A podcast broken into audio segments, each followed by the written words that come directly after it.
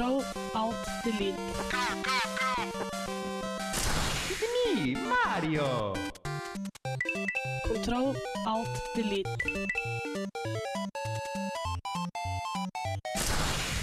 Unable to comply.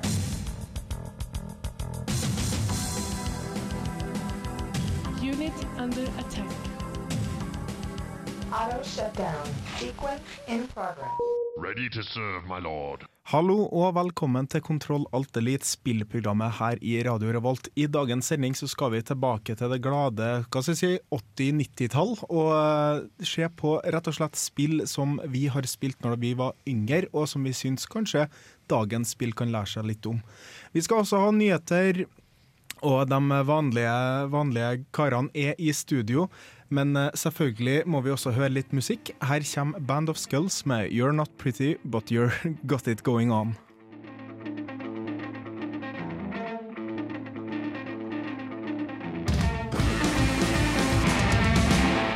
How you doing? This is uh, Sahara Drek, uh, StarCraft commentator. I have not talked to a woman in over a decade, and you are listening to Control Alt Delete. Det gjør du, og uh, vi er live her i Trondheim i studioet vårt i Lukasbygget. Og jeg har med meg tre glade karer. Hallgeir Bøhg. Hey! Bård Restad. God aften. Og Tor God dag, god dag. Sekse. Eh, selvfølgelig så må vi jo høre hva har vi spilt denne uka her. Eh, Hallgeir, du kan få begynne. Ja, eh, det har jo kommet ut en eh, viss demo av et visst spill, eh, Mass Effect 3, og den har jo med seg en Det har jo med seg multiplayer-delen.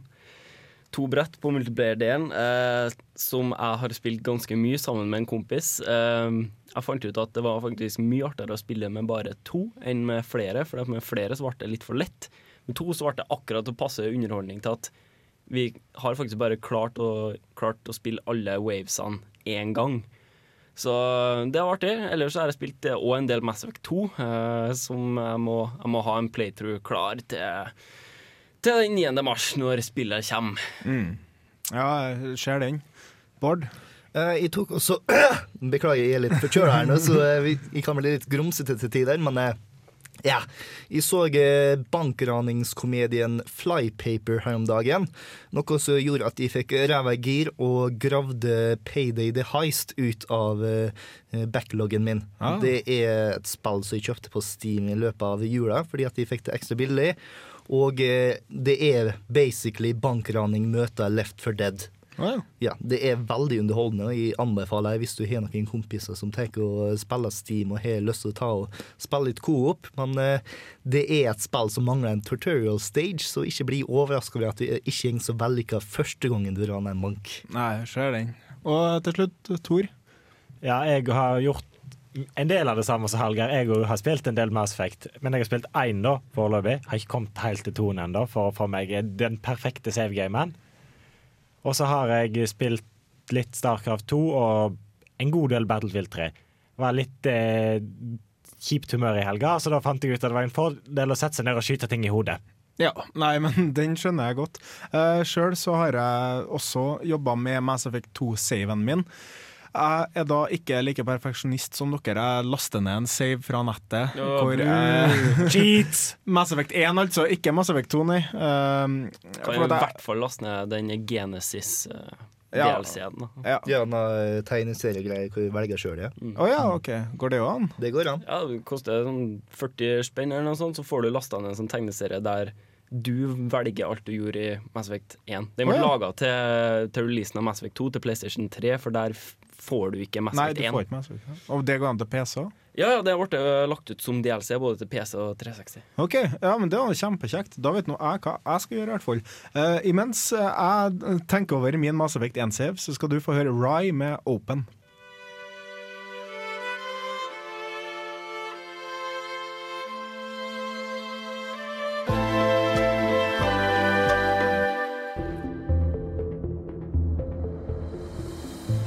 Commander Shepard, and this is my favorite show on the Citadel. Passende nok så er Commander Shepard som ønsker oss velkommen til denne eh, runden av Kontroll Alt Elite. litt. Vi skal ha litt nyheter, og Hallgeir, du har gravd gjennom internett for det juicieste. Ja, eh, det har ikke vært den mest innholdsrike uka, men eh, men det som er verdt å merke seg, det er annet at Assassin's Creed, Creed 3 har blitt eh, annonsert. Eh, ikke noe mer enn det, så vidt jeg fikk med meg. Eh, men det er jo ganske interessant da, at de endelig på en måte går videre til treeren. Ikke det at det var sånn spesielt overraskende. Det er vel hva fjerde eh, Assassin's Creed-spillet på fire år vi har fått. Ja, men det som er fint, at de faktisk går videre til treeren, altså Mm. ikke bare lager yeah. pumpe ut mer Det har vi jo egentlig visst ganske lenge, at toen i yeah. prinsippet skulle bli en triologi om Ezio. Ja, og så ble det jo, altså Vi vet jo også at det har vært et suksessfullt spill. Det har gått bra med det og solgt godt, og det har en stor following. Altså herre, det, det, det var ikke noe som ville tilsi at det ikke kom en treer. Mm. Eh, ellers eh, så er Secret World, eh, som vi snakka om for en liten tid siden, vi sa at det var annonsert til mai, eller hva, Ja, april, eller noe sånt. Stemmer. Det har blitt nå utsatt eh, til juni, og det syns jeg var litt rart, med tanke på at det var jo bare for kort tid siden at Det de skulle sånn to uker siden. ja, ikke sant? Og når du på en måte kommer med en annonseringsdato som er liksom to måneder frem i tid, og Mm. så bestemmer jeg for å utsette to måneder til Det vil si at du har feilberegna liksom med si, 100 da. Det er fun- det er Funcom. Det er egentlig bare bra at de utsetter det. For da får vi kanskje noe som er brukende, ikke sånn som Age of Kona når det kom. Du kunne like greit kasta det ut foran lastebilen som kjørte forbi huset ditt.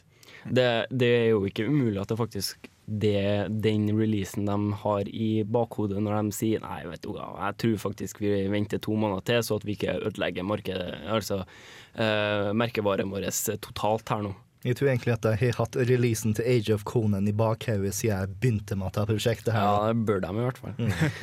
Eh, Konami uh, fyller 25 år. Nei, Capcom. Uh, ja, det var det jeg mente. Ja. Eh, Capcom fyller 25 år eh, og gir vekk eh, 500 000 eh, i løpet av 2012. Ja, Der de skal arrangere diverse fighting game-turneringer, Mm. blant annet en del Street Fighter-spill. Ja, eh, Street Fighter X Tekken kommer jo nå i mars, og det kommer jo til å bli sikkert en av de tingene de kommer til å satse på.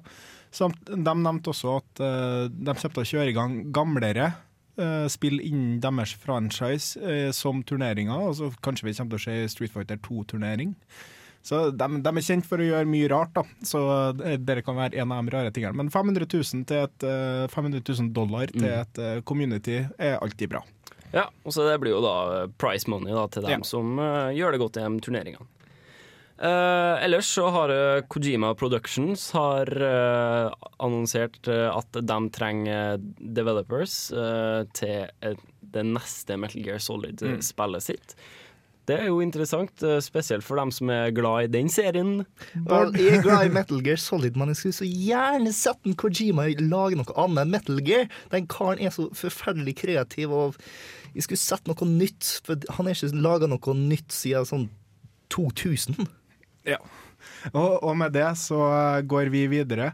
Um, vi skal her høre eh, Mathias Stubø med 'Soon a Brighter Day'. Du hører på Kontroll, alt er litt.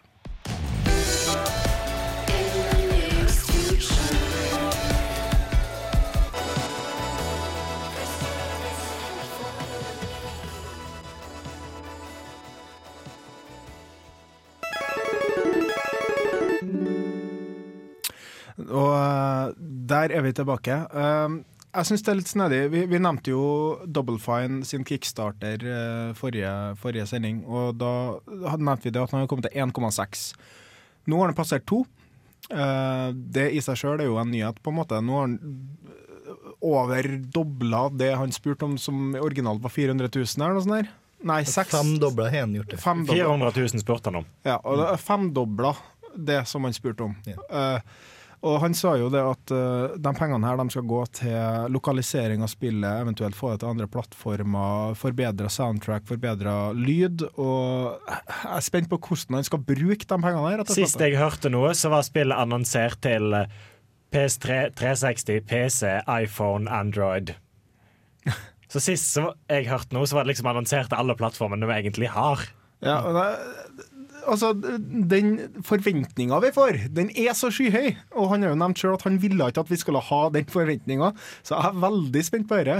Jeg tror rett og slett at uh, folk begynner å bli litt lei av den spillgenerasjonen vi på en måte befinner oss i nå, der alt på en måte skal være ja, Det er veldig sånn Call of Duty-ifisert, eller veldig sånn rollespillifisert. Så vi, vi har kanskje litt lyst på de gode, gamle Team Shafer-spillene, og sånn, for at det har ikke vært så veldig mange sånn utprega sånn humorspill og sånt de siste årene. Pek og klikk-spill og sånt som har vært kjempemorsomme og laga av godt kvalifiserte, talentfulle personer. Og det blir jo et pust i bakken, på en måte. Ja, og så blir det noe som ikke er grått og realistisk, sånn som alt på spillmarkedet egentlig er i dag. Ja.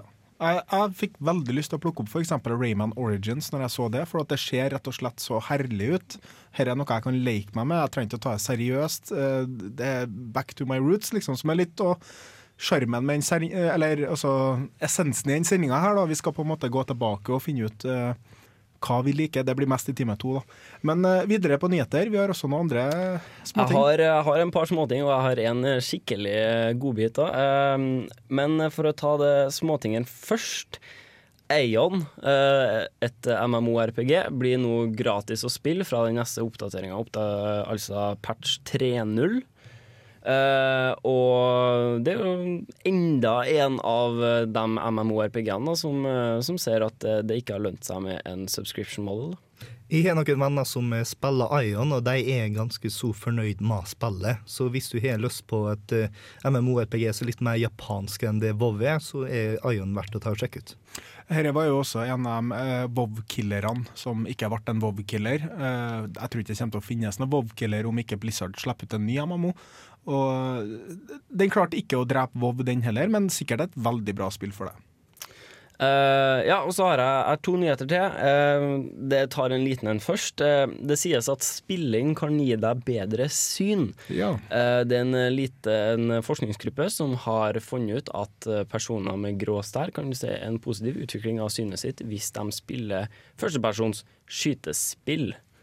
Men da kan jo jeg spørre deg om hvor stor var denne testgruppa i dette forsøket? Ja, Det er jo det som er problemet. da, at Det, det var visstnok en testgruppe på seks personer, der fem av seks fikk et forbedra syn etterpå.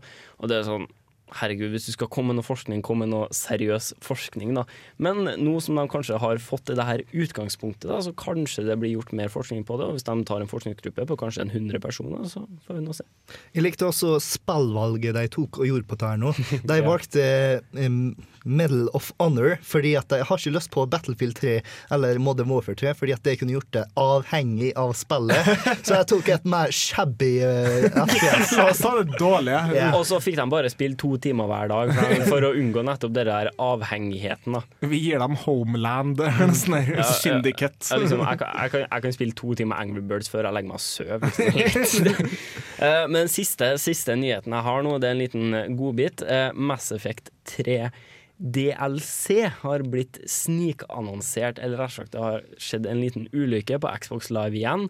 Jeg skjønner ikke hvor de får tak i disse folkene sine, Bioware, altså, som er så kjipt å legge ut ting på live-networket. Um, Spoiler alert, forresten. ja, spoiler alert for dere som er, er litt inni her og ikke har lyst til å høre på. Nå får dere eh, Avert Your Ears. Eh, men i en DLC som heter From Ashes, som jeg ikke husker helt feil, der skulle man få med en ny karakter som er What? En Prothean. Oh, spennende. Veldig interessant. Eh, da Protheanene er jo trodd til å skulle vært eh, ute de siste 50 000 årene. Ja. Og, hvem kan de ha med nå, liksom? Hvordan andre raser er Du har jo Racknai, da, men jeg ser ikke for meg at de Eller- er noen god spillbare Plutselig får vi en collector med på laget. En altså. Ja, nei, en eh, har vært bra. Hello, Earth Clan. vi må tilbake. Eh, Vi må eh, spille litt mer musikk. Her får du Popo med Final Fight.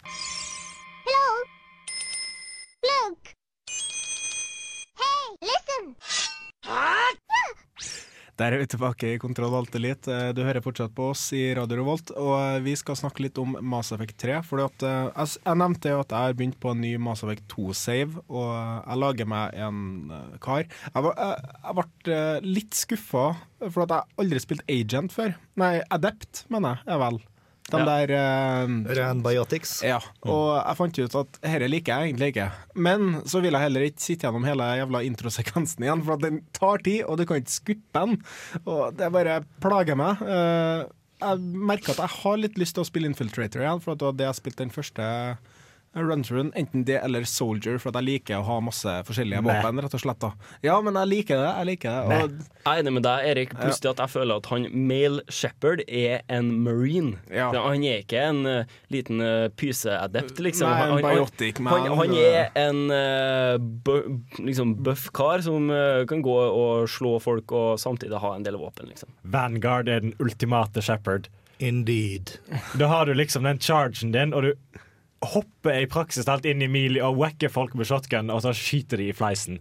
Skikkelig close up. Det er det som er skikkelig macho shepherden. Nei, altså guns blazing. Du skal klare å ha litt sånn der uh, overblikk og uh, OK, jeg vil ta herre approachen liksom til herre situasjonen. Uh, jeg er litt skuffa over spillet for at jeg ikke har mer på en måte Det er liksom run and gun, eller cover-based shooter experience, liksom. Det er veldig lite sniperbasert. Ja, Det er eh, det er noen ganger i den collector-verdenen, husker jeg, i slutten av toeren, hvor du kan bruke sniperen ganske effektivt, eh, men utover det så er det liksom mm, jeg, savner liksom at det skal være mer Jeg vet ikke, det, I eneren var det veldig mange plasser der eh, sniperen var veldig viable. Eh, spesielt på Vermeyer. Mm. Eh, når du drar og tusler mot Geth-basen, så, så er det veldig aktuelt. Ja. Nei, jeg husker også når du skal eh, redde hun Tali, når du får hun på Mass Effect 2. Når du har den forbanna sola som får brenne deg opp hele tida. Da var det veldig greit å være sniper. Ja, det er sant. Men Mass Effect 3, uh, vi har jo sett traileren. Vi har lagt den ut på eh, Facebook-sida vår. Radio Revolt presenterer Kontroll Alt Elite. Det er en ny trailer, 'Earth is Under Attack'. Er det det? Nei. Take Earth Back, Ja, take, kanskje, take da. Earth Back, ja. Og da ser vi jo der reaperne kom ned til jorda og raiser både Washington DC og New York og ei stakkars lita jente. Ja. Ja. og London, ja. Stemmer. Uh, får deg mer pumped, eh, Holger? Å, fy faen. Jeg er så psyched. jeg har så lyst på det spillet, og i løpet av de siste, siste par ukene nå så er jeg blitt teasa så jævlig! Det er som et forspill som aldri ender. Ja, og så med den demoen, da, som er faktisk veldig, veldig underholdende, så Men spørsmålet er om det blir, ikke blir litt mye hype etter hvert? At folk rett og slett blir litt overhypa? Ble du, ble du overhypa med Skyrim? Nei, nei, men I rest my case. ja, men vi er jo vant med å se, følge med og sånt, og vi klarer kanskje å trekke oss litt lenger tilbake og se ting fra en litt større distanse enn folk flest. Det- og er det, det et problem at folk blir overhypa og da blir skuffa over spillet? Ja, sånn eh, hvis, man, hvis man blir utsatt for for masse og spillet ikke lever opp til de forventningene eh, man har, eh, så er det klart man kan bli skuffa. Men jeg tror faktisk ikke at man blir skuffa av Mass Effect 3. Fordi, altså, helt ærlig, nå har de hatt Mass Effect 1 og Mass Effect 2, og um, de har blitt kritisert på hver sin måte. Mass Effect 3 tar de til seg den kritikken, regner jeg med, håper jeg, og det ser ut som de har gjort og lager et produkt som eh, er veldig bra gameplay-messig, og som runder av historien på en meget god måte. Mm. Eh, Vi kommer til å snakke eh, mer om Mass Effect 3 senere, men først må vi høre litt mer musikk. Der er vi tilbake. Eh, Det ble en liten teknisk feil her. Det kom plutselig en reklame for oss i sendinga, men du hører jo selvfølgelig på Kontroll Alt Elite her på Radio Revolt. Trenger ikke mer reklame da. Nei, vi trenger strengt talt ikke. Eh, Men eh, vi tenkte at vi skulle snakke litt om eh, Wrath, eh, som er et eh, kommende Capcom-spill eh, til PlayStation 3 og Xbox. I hvert fall så det, eh, det ser ut som eh, Capcom virkelig har leka seg her og laga en japansk vri på eh, God of War, rett og slett. Har du spilt noe mye God of War? Du, jeg har jo ikke PlayStation. Nei, stemmer, stemmer, stemmer. Eh, men jeg har sett en del på God of War, og jeg, har- jeg liksom er veldig sånn Jeg skulle ønske jeg hatt en PlayStation for å spille God of War, for det ser faktisk veldig, veldig veldig kult ut. Ja, for det er jo en sånn her klassisk eh, hva skal jeg si, nymotens beat them up. Eh, Du springer rundt, eh, du følger en større storyline, og du, du Du er en badass, rett og slett. da Og vi har jo sett traileren, vi syns jo den er hilarious til Ja, Ashuras Wrath. Du ser da Ashura som står på bakken og roper mot så å si alle han ser. Det er ingen som faktisk snakker i den traileren, de brøler alle sammen. Eh, men eh, det, det viser som om eh, det er rett og slett Jeg vet ikke, jeg gleder meg, da. Jeg, jeg, jeg kunne tenke meg et sånn der bank opp folk-spill, for at jeg, jeg har ikke spilt noe mye av det. For Sånn god, gammel beat em up, rett og slett. eh, 90-talls sidescroller-arkade, bare i satt i en ny 3D-setting. Ja. Eh, Masse quicktime events. eh, Nei! Jo Nei! da! Jo, det går Nei! helt greit, det. Nei! Og Nei, digre bosser. Han ene er jo like stor som Saturn. Det er jo så bra. Det er liksom, Du står på jorda, og han kjører fingeren sin ned på deg. Og Du er like stor som Fingeren hans er ca. like stor som jorda. ja, liksom. ja, så- ja, månen i hvert fall. Ja. Ja, ja. Og det er For sånn, dere som ikke kan se det nå, så står jeg her da og gjør facepalms. ja, det er hans syn på det. Men eh, jeg liker i hvert fall Jeg kan tenke meg at noen quicktime events kan gjøre et spill bedre, på en Ja, måte. Jeg er enig. Det Altså, gir deg mer cinematisk flyt i spillet. eh, Interaktivitet er jo på en måte det som kjennetegner et spill i utgangspunktet. Mm. Og altså, Det må ikke bli overbrukt, og det må ikke være sånn 'Å nei, jeg klarte ikke den'. Det, det femte greia i quicktime-eventen min, så nå må jeg se hele greia på nytt. Nå må du se en 15 minutters lang sekvens der du bare sitter og så trykker på knapper på presatte intervaller. Og i, i Final Fantasy 13.2 òg så kom det jo uh, quicktime events uh, i uh Uh, Nei, men uh, glem det. Vi går til sang. Her kommer Earth med 'Sigil of Brass'.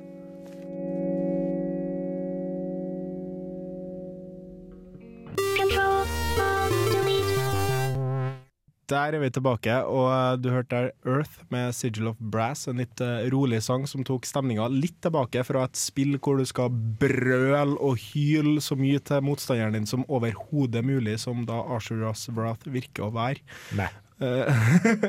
Nei. Eh, vel, Tor. Har du spilt eh, er det, Har det kommet ut, forresten? Eh, Det kommer i overmorgen, tror jeg. Ja, okay. Jeg skal i hvert fall plukke det opp i morgen, og skal anmelde det til neste sending. Ja. Har du spilt demoen? Ja, det har jeg. Der får du først så får du slåss mot jeg tror det er et svært romskip og en kar som får å rulle over landskapet og skyte ting ut av magen sin. Og så får du også Altså Det er litt snedig, da, for at du skal skyte et romskip som er på en måte langt unna, eller et skip da, som er langt unna, mens du faktisk slåss mot noen som er veldig nærme. Så det, er sånn, eh, det, det var veldig kaotisk, men jeg likte det også. Og så møter du også den gamle læremesteren din, eller sånt der, og han stikker deg med et sverd som stikker gjennom verden. Eh, dere slåss forresten på månen. Er Jarlsberg eller parmesan. ja. Azures Wrath, eh, i mine øyne, er det Azures F er til Dragon Ball Z, det Dragon Ball Z er til alt annet. ja. ja, altså over the top. Uh... Over the top, extreme, uh, kjempemasse ah, Ja, sånn. muskler og overdrevet Kanskje ikke vold, men bruk av vold. ja. Et stort stykke ost, med andre ord. Nei, men Du må ta det for det det er. Ja, det er det jeg føler jeg òg. Altså, alt skal ikke være realistisk. Jeg, jeg liker denne typen spill pga. at herre skal være Det blir en japansk God of War, og God of War i utgangspunktet er jo utrolig usannsynlig og gory og over the top. Og jeg syns da at hvorfor i helvete skal ikke Japan få lov til å lage noe som er tilsvarende, som kanskje da kommer til å appellere til et vestlig publikum? Jeg syns det er kjempebra av Capcom, og det, det, det ser ut som et bra spill, rett og slett. Så trenger man spill som er litt annerledes. Ja, man gjør det. Uh, Catherine var et godt uh, det eksempel på det, rett og slett. Ja, Men eh, jeg, jeg hørte det var folk som snakka Altså som kritiserte for at det var for kort. Ja. det er jo også et Hva skal du si Jeg liker jeg, jeg spilte jo Enslaved av Odyssey to the West, et spill som var rundt åtte timer, men fortsatt en av de beste spillopplevelsene jeg hadde i 2011. Det var ikke noe å gjøre etter spillet var ferdig, eh, men det var fortsatt så bra at jeg liksom satt igjen med den gode følelsen. Men eh, ville jeg betalt 550 kroner, eller hva det er for, det? Nei. Mest sannsynlig ikke. Nei, for det, det er det at uh, det, det kan være et veldig bra spill, men hvis det ikke er over ti timer, minst, føler jeg i hvert fall, av verdi på en eller annen måte, enten i form av gjenspillsverdi, i form av en multiplayer eller noe sånt, så 550 kroner er drøyt masse å ta for produktet, altså. Vi skal gå med på at prisen kanskje blir litt overdreven når du tar 600 kroner for ti, under ti timer. Men som et produkt så blir det av og til mer appellerende for meg når det er under ti timer. fordi at det betyr at da kan jeg med stor sikkerhet vite at de kommer til å runde ta spilleren om jeg begynner å spille. Altså, jeg, jeg sier ikke at spillet nødvendigvis er dårligere fordi det er kortere. Uh, altså, jeg har hatt veldig mange gode og korte uh, spillopplevelser, men det er nettopp det at jeg føler at jeg blir litt sånn ripped off da, om jeg må betale fullpris for uh, et spill som egentlig i realiteten er et halvt spill. Det er jo temmelig dyrt, og når du tenker deg at du betaler samme prisen for spill som f.eks. Mass Effect, som i hvert fall vi i studio her har spilt sikkert fire ganger hver. Ja, ikke sant? Og da mellom 15 og 20 timer hver gang. Minst. Eh, vi lar eh, Thor ha det siste ordet der, mens vi hører på Nightbeats med 'Puppet on a String'.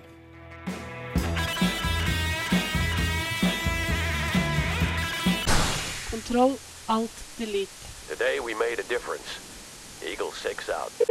Eagles Six Out, du hører fortsatt på Kontroll Alt Elite her på Radio Volt. Eh, Vi skal snakke om gamle spill og gamle hva skal jeg si, eh, minner, og hva vi syns om de nye spillene, hva de kan lære fra de gamle. Og vi skal ha masse, masse retrogamer i neste time, som begynner om eh, knappe fem minutter. Nei, 15 Ti minu- minutter. 10 minutter. 10-15, Ja, noe sånt.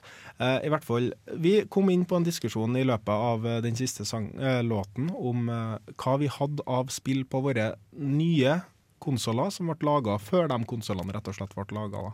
Så jeg kan jo begynne med å si det at jeg har um, alle Final Fantasyene 7 til 9 eh, på min PlayStation 3, samt uh, samboeren min kjøpte Crash Bandicoot 1 og 3, og Rayman, for at det var jeg veldig glad i. Så kjøpte jeg også uh, Street Fighter 3 Alpha.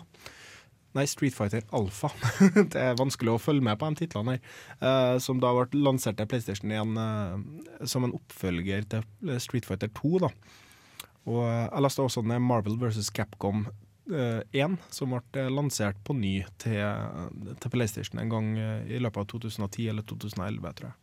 Hallgeir, har du noen gamle spill på dine konsoller? På, eh, på 360-en min har jeg ikke så mange. Jeg har lasta ned en del Arkade-demoer, men så har jeg liksom følt at jeg, jeg gidder ikke å betale 800-1200 Microsoft-poeng, som liksom er en, eh, ja, rundt en hundrelapp, da, 70-100 kroner eller noe sånt, på, på så gamle spill. Nei. Eh, Det syns jeg blir litt dyrt, eh, når de ikke engang nødvendigvis er HD-remix engang. De er egentlig bare Ports. porter, ja. Ja. Uh, så jeg har annet demo av uh, Earthworm Jim og Marvel vs. Capcom, som jeg kan huske. Uh, men på PC-en Mm. har, har jeg en del det jeg har, jeg har mange gamle spill, da, rett og slett, Ja. som, jeg, som jeg kjøpte da jeg var liten. Og så har jeg lasta ned noen spill, det må jeg innrømme, men de fleste av dem har jeg kjøpt før. da. Ja. Men at det bare at de, jeg har ikke dem tilgjengelig. Og der er det jo mange godbiter som jeg spin, spiller enda. ikke sant? Starcraft 1, Age of Empires 2, Warcraft 2, Warcraft 3 kanskje til og med, for det begynner å dra Mm. Det på begynner å årene. bli det òg. No Lives Forever 1 og 2 og ja, masse der, altså. Bård? Vel, en god del av de spillene jeg har anmeldt, vet du, er HD-ports eller remakes. Ja. Ocarina of Time, Metal Gear Solid, eh, Team Ica og sånn her nå er anmeldelser som jeg ga veldig høye karakterer til. Men hvis vi skal gå enda eldre, så har jeg nå den store fordelen av at jeg er en eh, Nintendo-ambassadør. Jeg kjøpte 3DS-en tidlig nok til å få ti gratis Nes-spill og ti gratis Gameboy Advance-spill, hvor mange av de var Super Nintendo-porta. Så eh, hvis de vil, så kan jeg da bare begynne å spille Yoshi Island og alt sånt. der. Det er slikt et koselig spill. Yoshi Island, Island er et nydelig spill. Jeg husker når jeg fikk det. Tor? Ja, nei, jeg har jo både PlayStation, egentlig PlayStation og PC, og på, jeg er PlayStation Plus-subscriber. Så jeg får der masse gamle greier som blir lagt ut på PlayStation Network, som er gratis for oss av PlayStation Plus. Det er sånn type hele Crash-serien, Final Fantasy 5 og masse andre greier som jeg ikke kommer på i øyeblikket. Resident Evil. Ja, alle de gamle Resident Evil-spillene og sånt. Eh, For at Vi kom jo inn på også det med at blir det så vi spiller her, blir det at vi prioriterer dem? Er det noen som føler det? Sjøl har jeg i hvert fall uh, halvspilt Final Fantasy 6. Jeg har uh, spilt omtrent alle Valve-spillene som de har uh, lagt ut. Gunman, Half-Life 1, Blue Shift, og Posing Force. Mm. Eh, til og med Ricochet. Ja, Ricochet har jeg spilt på et LAN klokka fem om natta. Det var ikke så bra. Nei, det var ikke det så bra. det desidert dårligste spillet Valve har laga. Det er et av de dårligste spillene jeg noen gang har spilt. Men, men er, det, er det Valve som har laga, eller var det en mod? Jeg tror det var Valve som faktisk har laga det som et multiplayerspill. multiplayer-spill. Eh, De, de ga det i hvert fall ut i sin eh, Anthology uh, Collection. Ja. Så Ja, hvem vet. Bård? Eh, Vel, det å få spill gratis fra Nintendo gjør at eh, du har ikke like stor driv på å spille som spiller nå. Nei. Hvis du har investert 600 kroner i et spill, så kommer du til å spille spillet. Har du fått det for ingenting, egentlig, så vel. Jeg har ikke spilt halvparten av de eh, spillene som jeg fikk gratis, men enkelte av dem har jeg nytta veldig godt. Ja, nei, jeg hadde jo samme for jeg får mye av det gjennom Sony, men du spiller det jo, men det jeg spiller mest av, er sånne gamle, ofte RTS-spill på PC, som finnes langt bak i en eller annen DVD-hylle. Eh, det høres bra ut. Vi kommer til å snakke mer om gamle spill eh, i andre timen vår. Her kommer White Fence med Swagger Vets and Double Moon.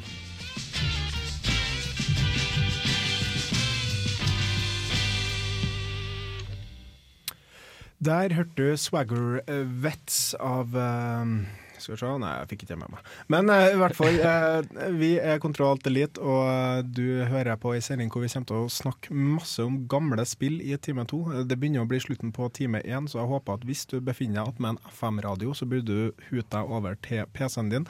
Hvis du hører oss på podkast, trenger du ikke gjøre én verdens ting, men hvis du hører oss på Nei, hvis du hører oss på nettet, så sleng du heller og gjør noe. Kjekt således. Kjekt således. Eh, jeg tenkte å nevne det at eh, For at jeg er jo ganske glad i slåssespill, og eh, altså da Street Fighter, Tekken sånn her. Og nå kommer jo Street Fighter versus Tekken, eller Street Fighter Cross Tekken, som det heter, ut. Og da har Capcom arrangert noe som heter Cross Assault, som blir en på en måte en realityshow hvor det er fire stykker som er kjent fra fire eller fem stykker med Tekken-bakgrunn, som skal slåss mot fem stykker med Street Fighter-bakgrunn. I et sånn her realityshow-greie hvor de har muligheten til å vinne 25 000 dollar, da, som blir ganske artig å se på. Det à la The Tester til PlayStation, liksom. Det. Og apropos The Tester, Ego Raptor gikk ut i sist eh, episode. Episode tre. Ego Raptor, kjent fra Sequaliris og alt det der.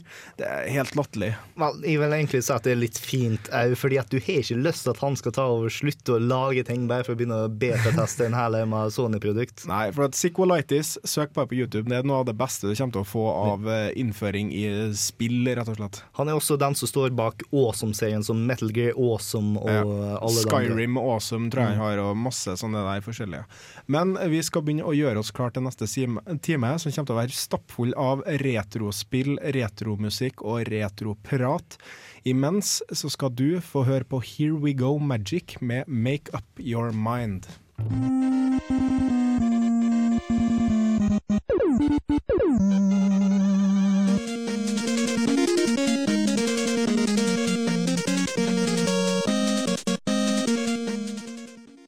Velkommen til time to her i Kontroll Alt Elite. Eh, selvfølgelig er Megaman 2 som spiller i bakgrunnen, noe jeg syns var spesielt passende i dag. fordi at uh, det var en av de første spillene jeg spilte på min uh, Nintendo. Og jeg tenkte vi skulle begynne tidlig i på en måte retroerene våre. Jeg fikk jo før jeg fikk Nintendo, så hadde jeg en Atari og en Amiga òg, men det husker jeg så lite av at uh, jeg kan på en måte ikke Jeg kan på en måte ikke dra fram det som noe, da. Men uh, Nintendoen var kanskje første i hvert fall møtet deres med spill, jeg vet ikke. Nes var i hvert fall mitt uh, første møte med spill, og da var det uh, Super Mario 1, Super Mario 3, Megaman Jeg husker ikke om det var fire eller fem. og så var det uh, Turtlespill.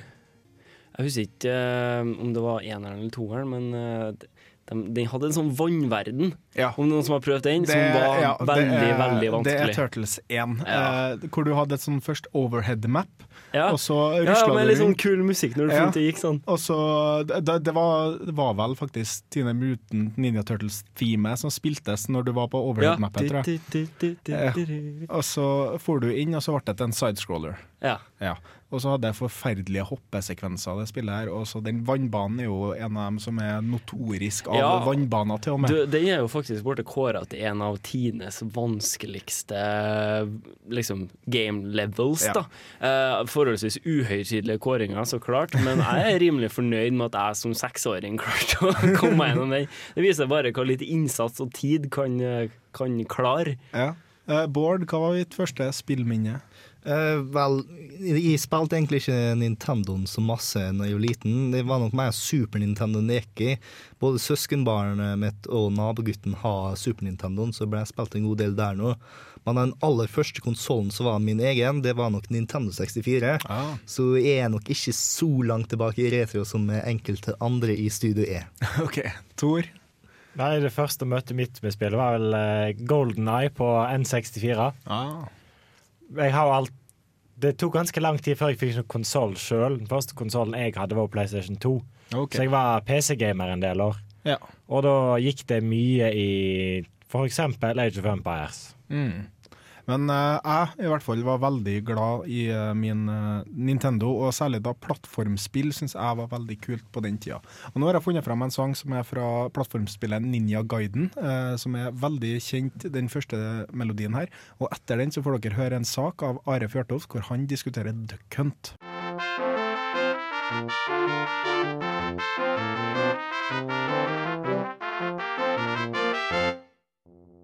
Jeg gikk en tur i skogen, og jeg hørte skogens ro. Da hørte jeg fra lien en gjøk som sa Og der starta det hele. Jeg, med min gamle Winchester Zapper og min trofaste hund Chuckle, drar ut på en evig kamp for å slakte alle de stakkars endene som min gode venn Chuckle klarer å skremme opp. Om jeg treffer, så får jeg den kjekke tommelen opp fra min menneskeaktige hund. Men som jeg bommer, så gjør Chuckle det han gjør best, nemlig å le.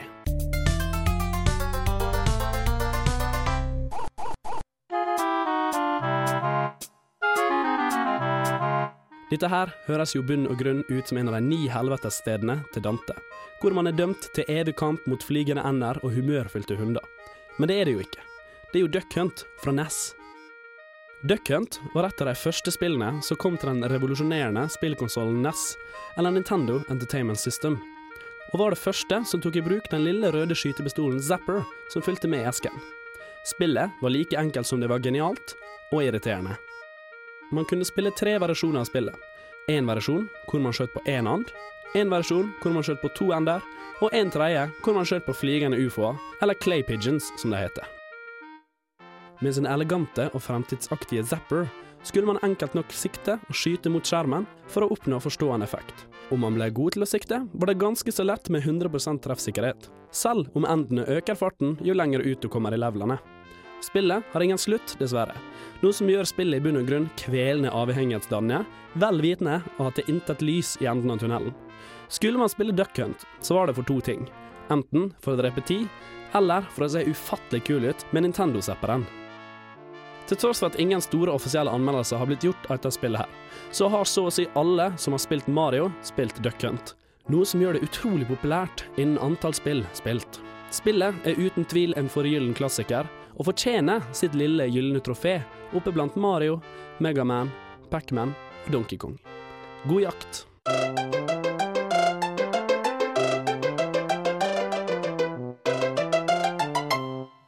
Der hadde Are spilt uh, Duck Hunt uh, for en god del år siden, tror jeg faktisk. Uh, Dette var jo Zapperen. Uh, det kom faktisk 18 spill til Zapperen. jeg husker at vi hadde den. Og når jeg ble for irritert med fuglene på skjermen, så gikk jeg bare helt fram med pistolen og trykte på attmed skjermen. Sånn rett attmed. Juksa litt. Hallgeir, du hadde ikke spilt Duck Hunt, sier du? Nei, jeg har aldri spilt Duck Hunt. nærmeste jeg har spilt Duck Hunt, er Time Crisis. Time Crisis, ja. ja det er det nærmeste. litt mer avansert grafikk og ja.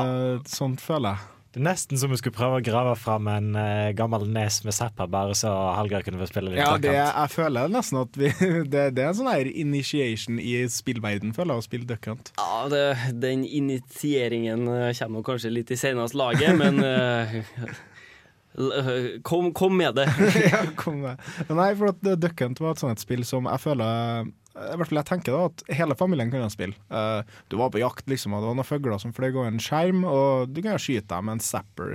Sikkert noen mødre som syntes at det var litt for uh, voldelig, men jeg og mamma satt nå i hvert fall og spilte det når vi bodde i Tromsø i min barndomsår. Og eh, en fornøyelig spillopplevelse, syns jeg. Bård, spilte du? Jeg har tatt og skutt mine ender i løpet av tida. Ja. Ikke Ja. sånn kjempemasse, men jeg har en tremenning som har noe. Da har jeg spilt en god del. Uh, Nahonden Chuckles. Ja, den er kanskje ikke beste spilldesignvalget i verden. Det er liksom, Hvis folk er frustrert og bommer hele tida, så blir Nahonden så hele tida lært! Og det er litt irriterende, og da er det ikke merkelig at han er en av de mest uh, henretta spillkarakterene i sånn flashfilmer og alt mulig rart. Nei, jeg har sett samtlige Flash-filmer hvor de tar livet av en stakkars lille Chuckles. Men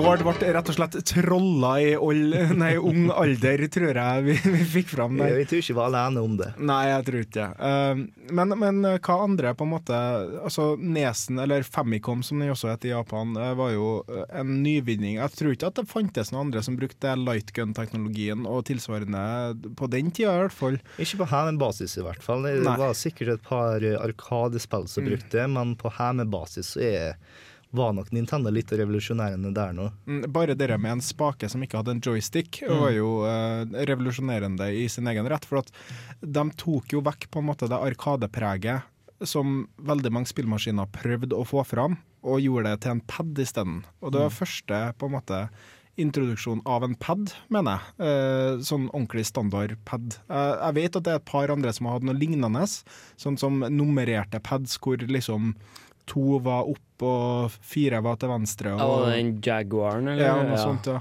Men det, det, det funka liksom ikke, uh, på, på lik linje som den eh, D-paden gjorde til Nintendo. Nintendo. hvis du har lyst til å sjekke ut det der, så er det bare å finne Angry Video Game Nerd, og så kan du finne ut hvorfor de ikke var så bra. Ja, det, det er fullt mulig. Greia er vet du, at eh, siden Nintendo var først, så patenterte en D-paden. Ja. Så du kommer aldri til å se en sånn Nintendo D-pad på PlayStation 3 eller 360 eller noe sånt som det er nå, fordi at det har blitt saksøkt. Ok.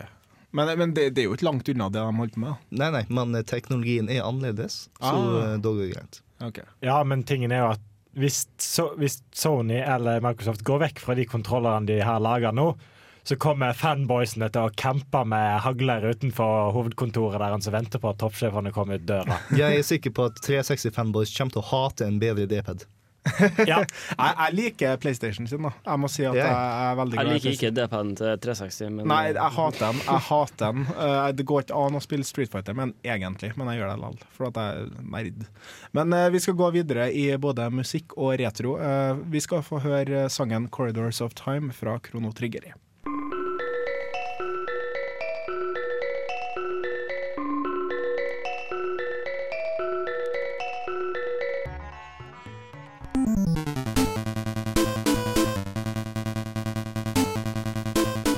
Fotballspill har så lenge jeg kan huske vært en naturlig del av spillsjangeren med tidligere storheter som World Cup, Sensible Soccer og International Superstar Soccer. Men av alle fotballspillene jeg noensinne har spilt, så er det bare ett som virkelig skiller seg ut. Eller to, da, men det tåpelige Mega Man Soccer kan vi se på en annen gang. Tecmo Cup kom i 1992 ut på NES-konsollen og var en amerikanisert utgave av det japanske spillet Captain Tsubasa. Her var brassespark i slow motion og supermenneskelige driblinger med på å rekonstruere auraen som den opprinnelige mangaen og animeen hadde blitt elska for.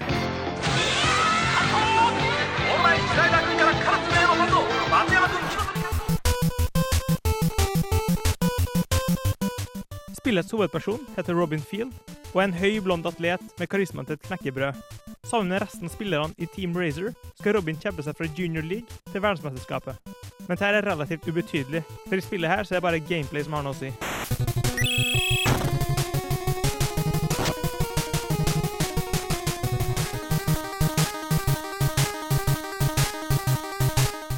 Tecmo Cup kan best beskrives som et eksotisk møte mellom Fifa og Final Fantasy. Spillinga er tur- og skill-basert, noe som vil si at spillet stopper opp mens du foretar valg, som å skyte eller drible, men også at de ulike spillerne har styrker og svakheter. En spiller nær mål med lav skyteskill burde kanskje helst sende ballen videre til en som er bedre til å skyte, men som forsvarer med lav taklingsevne heller burde markere spilleren. Det sjarmerende med dette systemet her, er at man virkelig lærer å kjenne spillerne inn og ut.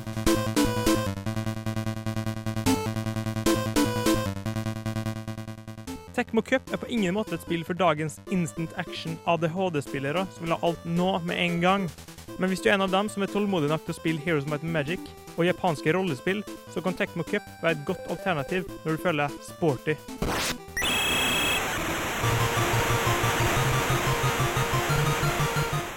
Der hadde vi Khaled Assam som hadde spilt Tecmo Cup. Eh, han prøvde å forklare det her spillet til meg en dag vi eh, ja, satt og snakka. For at jeg vet at jeg spilte det, men jeg klarte ikke å skjønne helt hva han snakka om, før han sa bare feir og hør på det jeg laga om Tecmo Cup. Vet du hva? Gjennom hele uh, anmeldelsen her nå, så satt jeg bare og tenkte Hvis jeg later som at jeg ikke hørte hva spillet han snakka om, het, Mm. men bare tenkte det her er blitzball, det her er blitzball, Ja. så det passa. Ja, det er sant. Uh, Blitzball, altså det minigamet i Final Fantasy 10, eh, er veldig likt dette. Mm. spillerne har stats, og vet du hva, det var ikke Bortsett fra at det foregår under vann, da. Ja, ja, Jo, men, ja, men altså, altså, spill- details, details. Ja, men altså selve spillmekanikken. Ja. Du stopper opp før du altså Skal du gjøre et valg, skal du passe, skal du skyte, ikke sant? Stopper opp med så og så mange, Ja. skal prøve å komme Ja, komme forbi. selve spillmekanikken er- er vel da er helt lik. Nei, eh, forskjellen er at du beveger deg med ballen der. Eh, han, altså, her er som Dungeons and Dragons, bare at du spiller fotball. Ja, Eh, sånn at du bare trykker Du må trykke move òg? Ja, Ah, ja, okay. eller dribble. Eh, du kommer til en situasjon, du må gjøre noe i den situasjonen, liksom. Det, det er hele Tecmo Cup. Eh, det, det er som en RPG-versjon av ja, fotball, da, rett og slett. Mm. Og sånne ideer syns jeg har datt ut litt, og derfor jeg syns var litt artig å høre denne saken til en Khalid. For at eh, det er på lik linje som eh, Hvor var poenget mitt? Anna? Jeg hadde et, sjø. Eh, nei, men i hvert fall. Det, det var en nyvinning. Eh, det, jo, jeg, jeg skal snakke om et spill senere som heter Valkyrie Chronicles, som også kombinerer masse forskjellige sjangere. Og herre, det virker ikke som nyere spill tør å ta så mange sjanser. Der var poenget mitt, som før.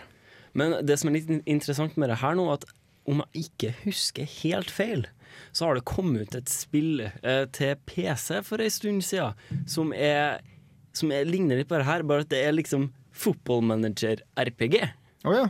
Eh, der du eh, Fra Japan, liksom. Oh, ja, okay. Eh, der du liksom eh, Ja, du kombinerer RPG-elementer og fotballmanager med det. Jeg husker ikke hva det het, men jeg la en anmeldelse av det for en eh, år, halvannet år siden. Sånn, tror jeg. Sånn talk to the press, you have speech 64, roll a die. Ja, ikke sant? Nettopp. Akkurat You sånn. fail. Akkurat sånn. you just You were racist against your player. sånn. Ja, nei, men uh, vi må selvfølgelig gå videre. Nå skal dere få høre Seiken Densetsu 3 Another Winter, også kjent som Secret of Mana 2. Uh, du, jeg vil gjerne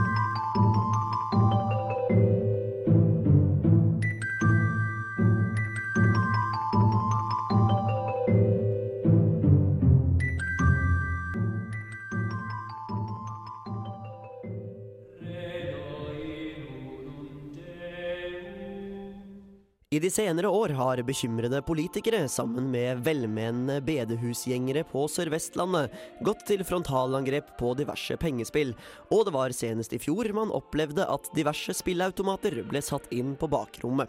Likevel er det ikke til å komme bort ifra at det har eksistert arkademaskiner der ute som får den forhatte logoen til Røde Kors til å framstå som den berømte fredsdua med olivenkvist. Jeg snakker her om arkadespillet Metal Slug 2, utgitt av erkekapitalistene og forretningsgeniene SNK i 1998. Mission one, start.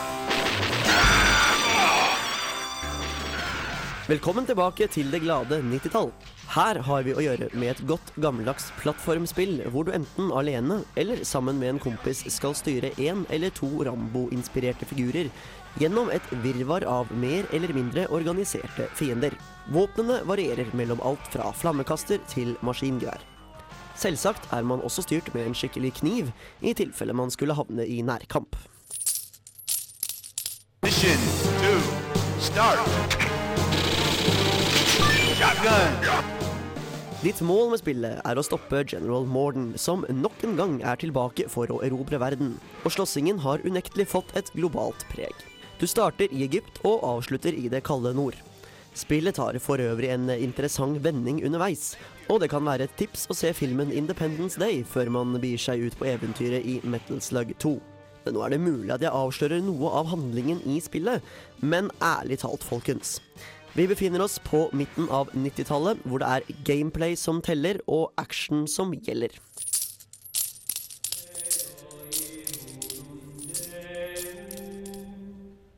Så hva er det som gjør Metal Slug 2 til den store satan blant spillavhengige?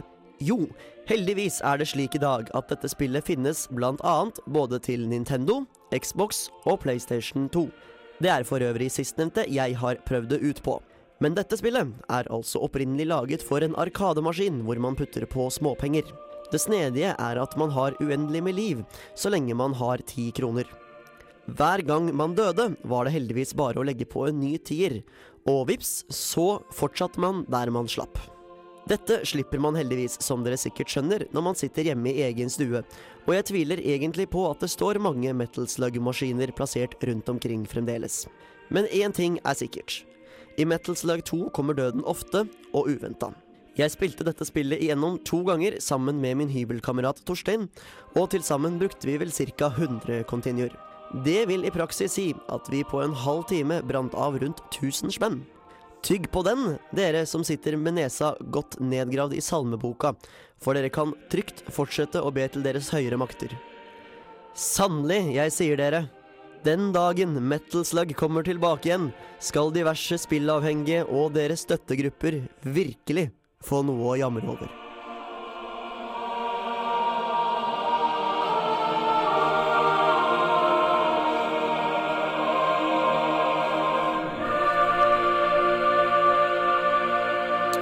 En hyllest der til Metal Slug 2 av uh, vår uh, alles uh, Hva skal vi si? Bestefar Knut Sørheim. Han er den syvende far i huset. Han er det. Uh, Hornet på veggen. Og det jeg ville snakke Det er jo grunnen til at jeg trakk fram akkurat dette, var det med arkadespill. For at det forsvant jo mystisk fra Norge her for noen år tilbake. Det, det finnes jo ikke lenger. Jeg har sett noen flipperspill, men utover det så det, det, De finnes ikke.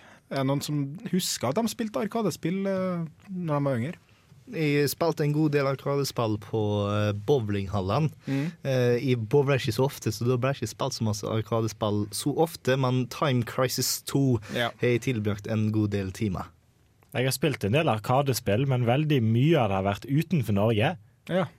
Har, Har du noen eksempler fra hvor du var og hva du spilte? Ja, det begynner å bli en del år siden sist, Ja, ja. men det har vært en del sånne gamle Sega-maskiner med sånne racer eh, Ja, ja, ja. Jeg husker det, av racere, så er jo Ridge Racer var jo allerede på på Arkadene og Nei, kanskje ikke Ridge Racer, hva heter det? Uh, Cruising eh, USA, eller noe sånt?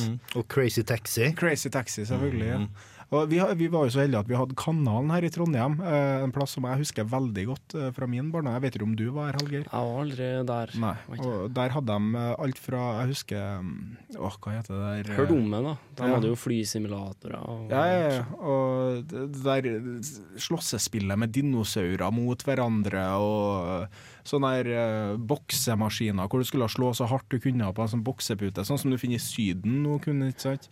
Og jeg, jeg bruker alltid å fære når jeg er på utenlandstur og fære til sånne litt shady plasser og se om de har en arkademaskin. Og sist gang så fikk jeg faktisk prøve Metal Slug, jeg vet ikke om det var to eller tre, men uh, en av dem var jeg i hvert fall. Og det, på samme maskiner så var jeg Tekken 2. Dere Dette var i 2011. Ja, hvis du skal ta og spille skikkelig arkadespill, så må du nesten ta og fare til statene eller Japan, hvor det fremdeles finnes en underkultur som spiller skikkelig arkadespill. Men det koster vel litt ekstra å ta og fare så langt vekk, og Ja, ikke bare til Syden. Ja. Du reiser liksom ikke til USA eller Japan sånn en gang i halvåret for å spille arkadespill ei uke. Jeg skulle gjerne ha gjort det. Jeg har hatt penger til det, så har det ikke skjedd bort ifra at jeg har dratt annenhver helg til en arkade i Tokyo. Nei, men jeg synes Det er en sånn sjarm med det. Eh, Det er liksom der på en måte spill eh, vokser opp, hvor kulturen Folk treftes som likte spillene, og hvor de satt sammen og spilte. Og ja, Det er rett og slett eh, nostalgi for mange gamere, tror jeg.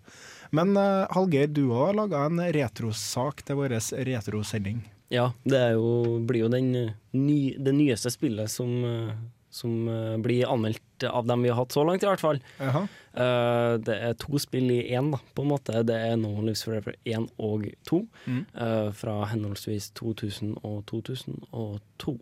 Å ja, men da er ikke det det nyeste spillet. Da, Til, til. Ja, ja, TNO, ja, ja. ja. Men vi hører på Hallgeir sin eh, No One Lives Forever retro.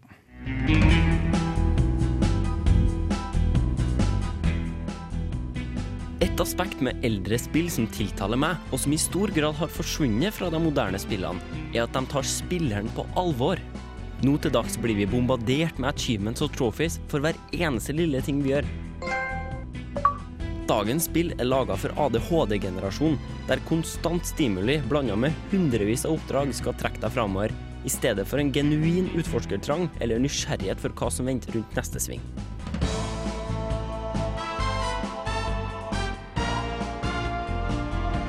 I No One Lives Forever-spillene finner man få av disse elementene som forenkler gameplayet ditt. De er overraskende åpne til å være ti år gamle. De er utfordrende og interessante, og kan være beinvanskelig for dem som ikke utnytter de spillmekanikkene som er tilgjengelige. Og ikke minst så er de noen av de morsomste spillene jeg noen gang har spilt. I begge spillene så styrer du superspionen Kate Archer, som jobber for den britiske spionorganisasjonen Unity. Dine nemesiser kommer fra organisasjonen Harm, og er alt fra en fransk pantomimeartist eller en overvektig tysk operasangerinne til en god, gammeldags russisk mafiaboss. You will excuse me. This is all I have time for this evening. Historien foregår på 60-tallet og er så klisjéfylt og tåpelig med både spiongadgets og dårlige one-liners at det får James Bond-filmene til å se ut som seriøse dokumentarer i forhold. Say, can I borrow a dime? I want to call my mom and tell her I just met the girl of my dreams. I gave my last dime to a worthwhile charity. Ouch. Kate Archer er en eks-lommetyv, nå nyutdanna spion i de to spillene, som ikke nyter mye respekt av sine spionkollegaer, spesielt pga. at hun er en dame. Alt det her danner et godt bakteppe for historien i de to spillene, som er meget godt skrevet og latterlig morsom. Guten Abend, Fräulein. Do you make love to strangers? Certainly not. Then allow me to introduce myself. Why not just introduce yourself to a police officer and spare me the trouble? No One Lives Forever 1 er i bunn og grunn egentlig et førstepersons skytespill, men snikeelementene er så forbaska godt inkorporert i spillet at man kan gå gjennom hele brett uten å bli oppdaga. I toeren er både snike- og skyteelementene forbedra, og spillet er et av de første ikke-rollespillene som inkorporerer såkalte rollespillelementer inn i gameplayet. Noe som har blitt en stor suksessformel for førstepersons skytespill i senere tid. For både i eneren og toeren har man en god del valgmuligheter når det kommer til å tukle med både våpen og ammunisjon. Og i toeren innfører man også erfaringspoeng og muligheten til å låse opp egenskaper som gjør deg bedre på enkelte områder. Og du må bestemme deg for hvordan du vil spille spillene her, og du må skjønne dem. Du må utnytte de egenskapene og det utstyret du har. Og når man ikke har Quest-indikatorer eller lysende objekt som roper 'plukk meg opp', så ser man også at man må følge med. Man må hele tida vite hva oppdraget er, og hvordan man skal gå frem for å løse det. Spillet er som sagt styggvanskelig om man spiller det feil. Men det er kjempeartig og gir en enorm mestringsfølelse når man spiller det riktig. For selv om spillet er rimelig lineært, så er det fortsatt åpent nok til at det likevel er mange måter å gå frem på i spillet. Man får lov, og man blir tatt seriøst. Det er det som er godt spilldesign. Det er det som gir en god opplevelse. Og det er det som kjennetegner gode spill. No One Lives Forever-spillene er gode spill. Og jeg vil at du skal spille dem. Lipstick? Compact? Angry Kitty proximity mine? All right, I'm ready to go to work. My name is Kate Archer. I'm a spy.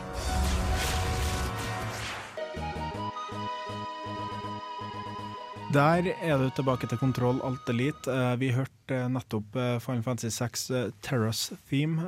Nydelig sang. Og jeg har en liten Segway der, men jeg skal få la eh, Hallgeir snakke litt om No One Lives Forever først. Eh, Du snakka om at du fant på dine egne achievements rett og slett i spillet. Ja, altså altså, Som jeg sa, nå til dags så, så, så får man achievements for alt man gjør. Og på en måte veldig mye av gjenspillsverdien er at du liksom Ja, spill det en gang til, men i den runden du spiller her nå, så skal du bare bruke det her våpenet, eksempel. Eller Mm. du skal øh, Du skal Bare avfyr så og så mange skudd. Ja, ikke sant. Sånne ting. Ja, at, Men, men sånn, som, sånn som jeg gjorde da i det spillet her, så følte jeg ja, nå er jeg en spion. Uh, og da har jeg lyst til å ha like mange kills som jeg har skudd avfyrt. Uh, og det er effektivt da med at jeg bare måtte one-shot folk med pistol med silencer. Liksom. Ja. Det, var, det, det gjorde jeg hele spillet, liksom. Ja. Nei, men det er jo sånn, altså Deuce X og eneren husker jeg spilt på samme måte. Og jeg tenkte også å nevne dere at eh, for mange spill som folk på en måte har et nostalgisk forhold til, så laga de sånne achievements. For eksempel så så jeg på en IE Nei, jeg kommer ikke til å si alt her. Men i hvert fall, det er en, eh, det er en måte å spille gjennom Full Fantasy 7 på, med initial equipment, altså at du kan aldri forandre equipment. Ingen accessories, ingen escaping, ingen physical attacks, ingen limit breaks, command materia only, level cap og uh, ingen glitcher. og ja, eh, du må begynne på eh, Midgard disk 1. eh, og det er sånn, de satte opp egne på en måte achievements, da. Vi trengte ikke dem. På en måte nevne at ja, herre, herre, du får 100, 100 poeng hvis du gjør akkurat herre. For at på en måte så var det greit i seg sjøl å bare gjøre det pga. spillet sin del, på en måte. Du Ja, for spille. du syns spillet er så artig, at, og, og du føler deg så god i det at liksom, å ja, det her høres artig ut. Mm. Uh, sånn som det var i Noen Lives Forever, da, så var det jo også sånn at uh, i eneren så fikk du liksom sånne, sånne bonuses.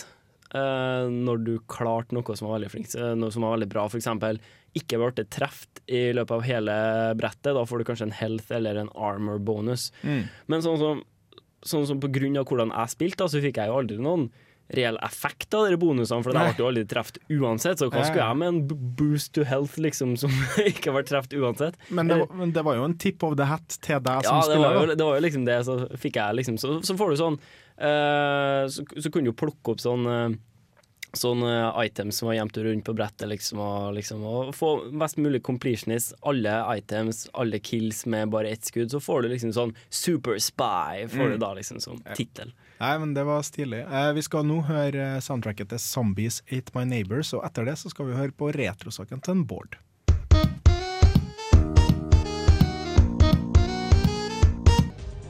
Blizzard Entertainment er et kjent og kjært navn for mange.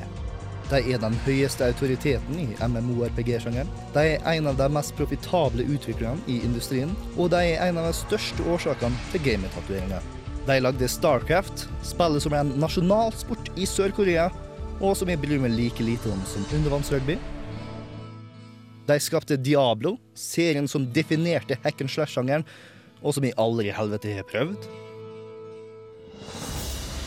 Og de står selvfølgelig bak Warcraft. Universet som har krevd flere sosiale liv enn enkelte former for narkotika, hvor jeg har en level 3 Blood Elf Rogue som ble raskt pensjonert etter at jeg ble lei av å se han spasere over en lengre periode. Men Blizzard er allikevel ansvarlig for en viktig del av min identitet som gamer, siden de som nådig ga verden The Lost Vikings.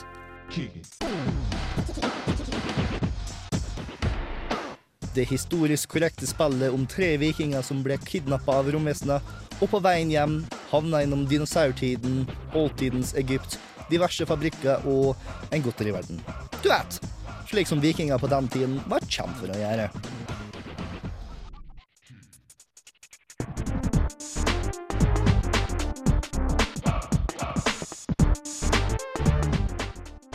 Spillet er en taktisk plattformer hvor du styrer tre barske berserkere. Erik den kjappe, som kan både hoppe og rive ned vegger med å ta sprengfart med vikinghjelmen sin. Baelag den voldsomme, krigeren som er utrustet med både sverd og bue. Og Olaf den staute, som kan bruke sitt trofaste skjold til å blokkere alt, og lande trygt med å bruke skjoldet som en hangglider. Gameplay i The Lost Vikings går ut på å geleide de tre vikingene fra punkt A til punkt B, mens du bruker deres individuelle egenskaper til å overleve fiender og andre farer, plukke opp nøkler, skru på brytere og generelt ikke dø. Siden du kun styrer én av de tre vikingene om gangen og bytter imellom dem med et tastetrykk, så betyr dette at det krever en god del strategi. Ikke bare for å bruke endene deres synergisk, men også for å unngå at de du ikke styrer for øyeblikket, dør mens du er opptatt med noe annet.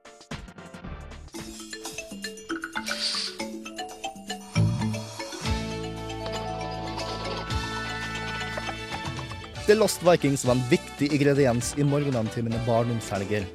Rett etter at Kykeli Kokos eller Disney-timen var over, så løp jeg og broren min i pysjamasene våre opp til pappas kontor, skrev vi noen linjer i MS-DOS og bytta på å hjelpe vikingene med å komme seg hjem. Og hver gang vi kom oss ett skritt nærmere, så skrev vi ned et passord på et velbrukt A4-ark. Takket være teknologisk framgang så vil nok dette høres like bisart ut som mobiltelefoner uten skjerm eller å ikke ha tilgang til gratis porno, men på et tidspunkt så var det ikke et selvfølge at du kunne lagre hvor langt du har kommet i et spill. Og for å jobbe seg rundt dette, så fikk du etter hvert brett et passord som lot deg fortsette hvor du slapp, uten å bruke noen dyrebare kilobytes.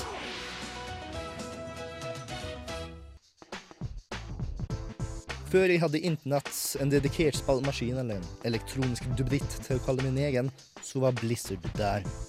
Hell, sjøl for Blizzard het Blizzard i stedet for Silicon og Synapse, så var Blizzard der. Sjøl om jeg ikke har holdt kontakten siden den gang, så er jeg deg allikevel en takk skyldig for å geleide noen av mine første steg som en gamer.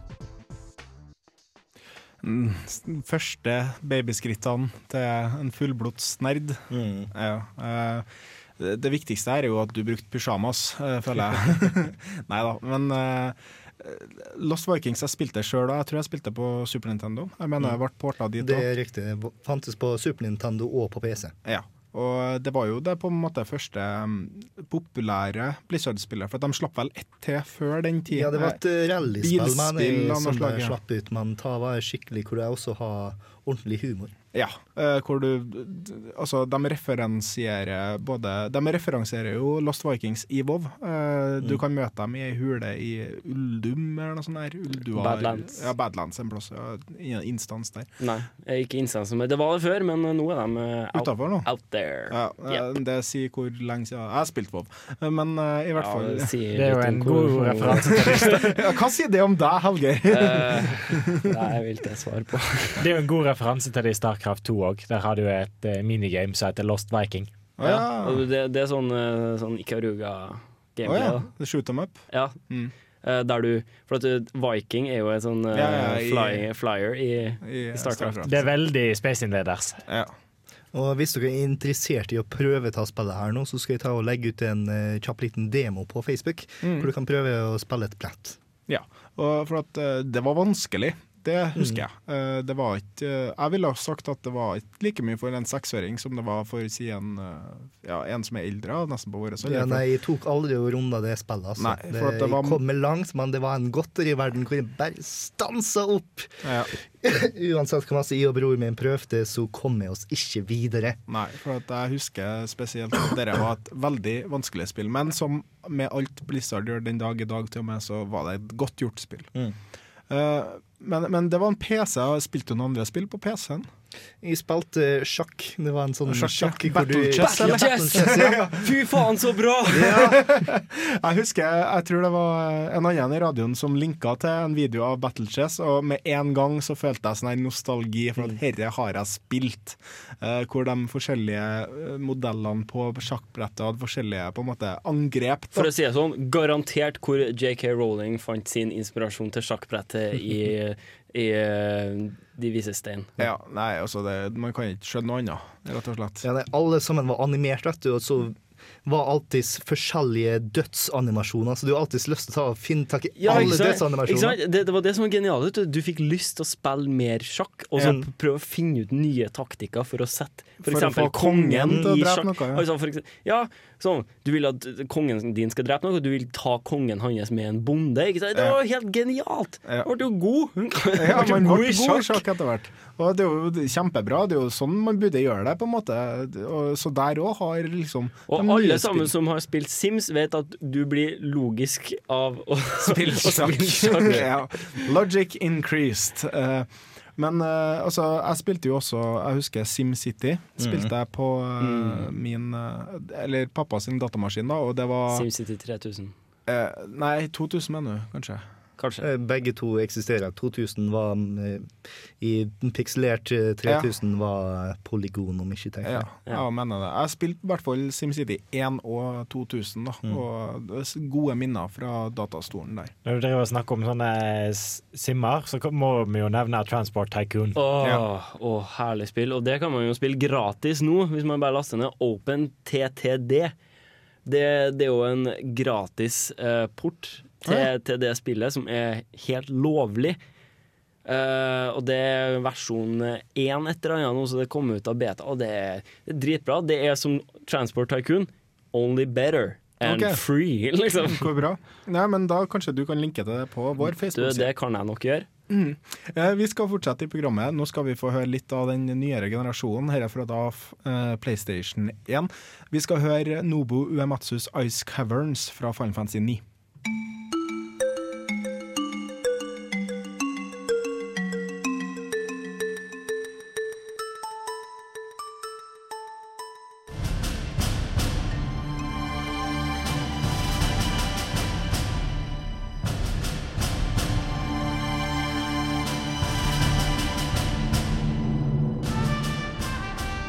har ikke skjedd mye for Sega siden Sonic, men i 2008 kom det plutselig ut et spill som heter Valkyria Chronicles.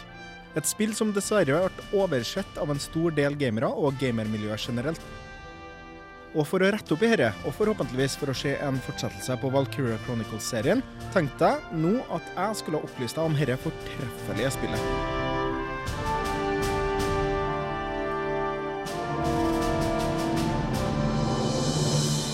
I en alternativ virkelighet på 1930-tallet blir det lille landet Gallia plukka ut som en viktig brikke i den andre europeiske krigen. Andre verdenskrig. Wink, wink, nudge, nudge. Det lille landet innehar en stor andel av den viktige ressursen Ragnite, som kan gi det ene eller den andre stormakta en stor fordel i krigen. Det er blant herre gallerne vi finner Welkin Gunter, sønn av en stor motstandshelt fra den første europeiske krigen, og kjent som en briljant taktiker.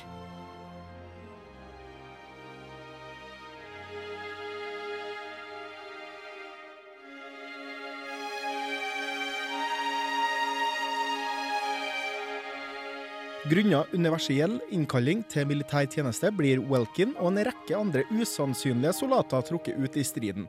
Og det blir din og Welkin sin jobb å føre Kompani 7, eller Squad 7, til seier.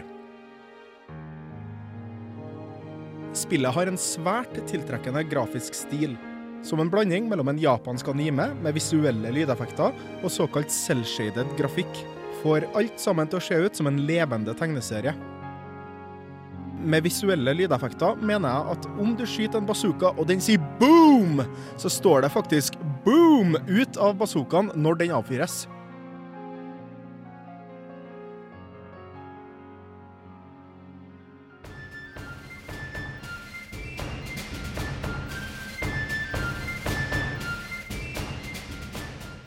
Herre tegneseriepreget får kanskje spillet til å se barnslig ut, men spillet tar faktisk opp både rasisme, forfølgelse av mennesker, korrupsjon og forferdeligheten som er krig. Det er dog ikke bare historien som fenger. Valkyria Chronicles spilles som en tredjepersons turbasert RTS. Noe som kanskje høres litt pussig ut, men det går så fint og spilles utrolig bra. Du velger hvilken karakter som skal flytte hvor, men du skyter manuelt, sikter uten stress. Men om du springer, så vil motstanderne skyte på deg. Forvirra? Eh, bare prøv det. Et glimrende spill med et svært godt soundtrack, en god historie, nydelig grafikk og et avansert og utfordrende gameplay. Skaff deg Valkyria Chronicles 1 til PlayStation 3.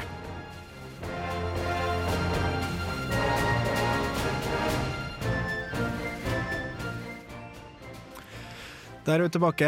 Eh, Kontroll til litt på Radio Revolt. Du hører på andre timen vår hvor vi diskuterer retrospill. Og jeg må innrømme- Skikkelig retro med PlayStation 3, da. ja, nei, altså Det var før Trophies kom, så du vet at det er i oldtiden. Eh, Det var kanskje ikke retro, men Valkyria Chronicles eh, ble oversett, syns jeg. da. Og eh, det hadde faktisk ikke trophies. Det, det, fant, det finnes ikke trophies til spillet, for at, eh, de hadde ikke kommet ennå, som, som du sa. Eh, men det er fortsatt veldig bra spill. Eh, det jeg tenkte å vise med spillet, er at her er fortsatt spill som tør å ta sjanser. Eh, på lik linje med Catherine, som vi anmeldte tidligere. også et spill som tør å være annerledes i en verden hvor alt sammen blir masseprodusert. Men Halger, vi snakka om på en måte hva vi savner fra nyere spill som vi hadde når vi var yngre, da, eller den tidligere spill... hva skal jeg si, generasjon. Hva savner du? Jeg savner det at, eh, at spillet tar meg seriøst. Altså at det lar meg prøve litt før det forteller meg hvordan det skal gjøres. Eh, jeg savner et spill der hvis jeg skal manipulere et objekt, så lyser det ikke opp på en kilometers avstand. Jeg savner et spill der kanskje ikke Questlog og, og en, et kompass liksom hele tida forteller meg hvor jeg skal gå. Eh, Handholding, rett og slett. Du vil ikke bli holdt i hånda noe mye lenger. Eller spill der du skal fra A til B, men eneste måten å komme seg fra A til B gjennom en trang korridor. Ja. Uh, funneling er vel uh, Og skrekkeksempelet er nå Final Fantasy 13. 13.2 gjorde det mye bedre. Eh, Du kan hoppe litt fram og tilbake, du har mye større frihet. Du vet faktisk ikke hva du skal gjøre nå, da. og eh, det var nesten litt for lite handholding på enkelte plasser. For at når du skal finne en sånn obskur ting som er på en plass du aldri kommer til å se, og du skal kaste stakkars mooglen din ned dit, så blir det litt lite eh, handholding. Eh, Bård, hva savner du? Jeg savner god 2D-animasjon, altså. Ja, Eh, sprites. Etter 3D-en kom, så var jeg sånn kjempepoppis at alle sammen skulle ha polygoner. Mm. Og eh, som Nintendo 64 og PlayStation-generasjonen. alle sammen skulle ha det. Ingen skulle ha 2D lenger. Og nå så er det ingen som kan pixel art lenger. Det er en tapt kunst. Men greia er at Super Nintendo-generasjonen ser tusen ganger bedre ut i dag enn det Nintendo 64-generasjonen gjør. i forhold til Det er rett og slett vakkert å se på, så jeg blir kjempeglad når jeg ser spill som Rayman Origins og Blast Blue, som har fantastisk fine 2D-animasjoner. Og Heroes of Might and Magic 3 er fortsatt den beste Might and Magic-spillet. Helt på tampen, Tor, er det noe du savner? Ja, jeg savner en skikkelig slow-paced RTS. En, ja. For vi har jo Starcraft 2 nå, og det er jo Men hva med et strategispill som er mer sånn Age of Empires, der du kan sette deg ned og slappe litt av, og ikke hele tida sitte og spamme hotkeys? For hvis du ikke gjør det, så taper du. Ja. Nei, det er veldig mange gode poeng her. Jeg òg savner sprites. Og jeg savner også litt av den nostalgien som man hører i enkelte spillmusikk-themes. Her, helt på slutten, så får dere høre Bubble Bubble Theme. Og mitt navn har vært Erik Wiberg, hadde med meg. Hallgeir Buhaug. Bård Raste. Og Tor Larsen Sekse. Vi høres neste uke. Ha det bra. Ha det.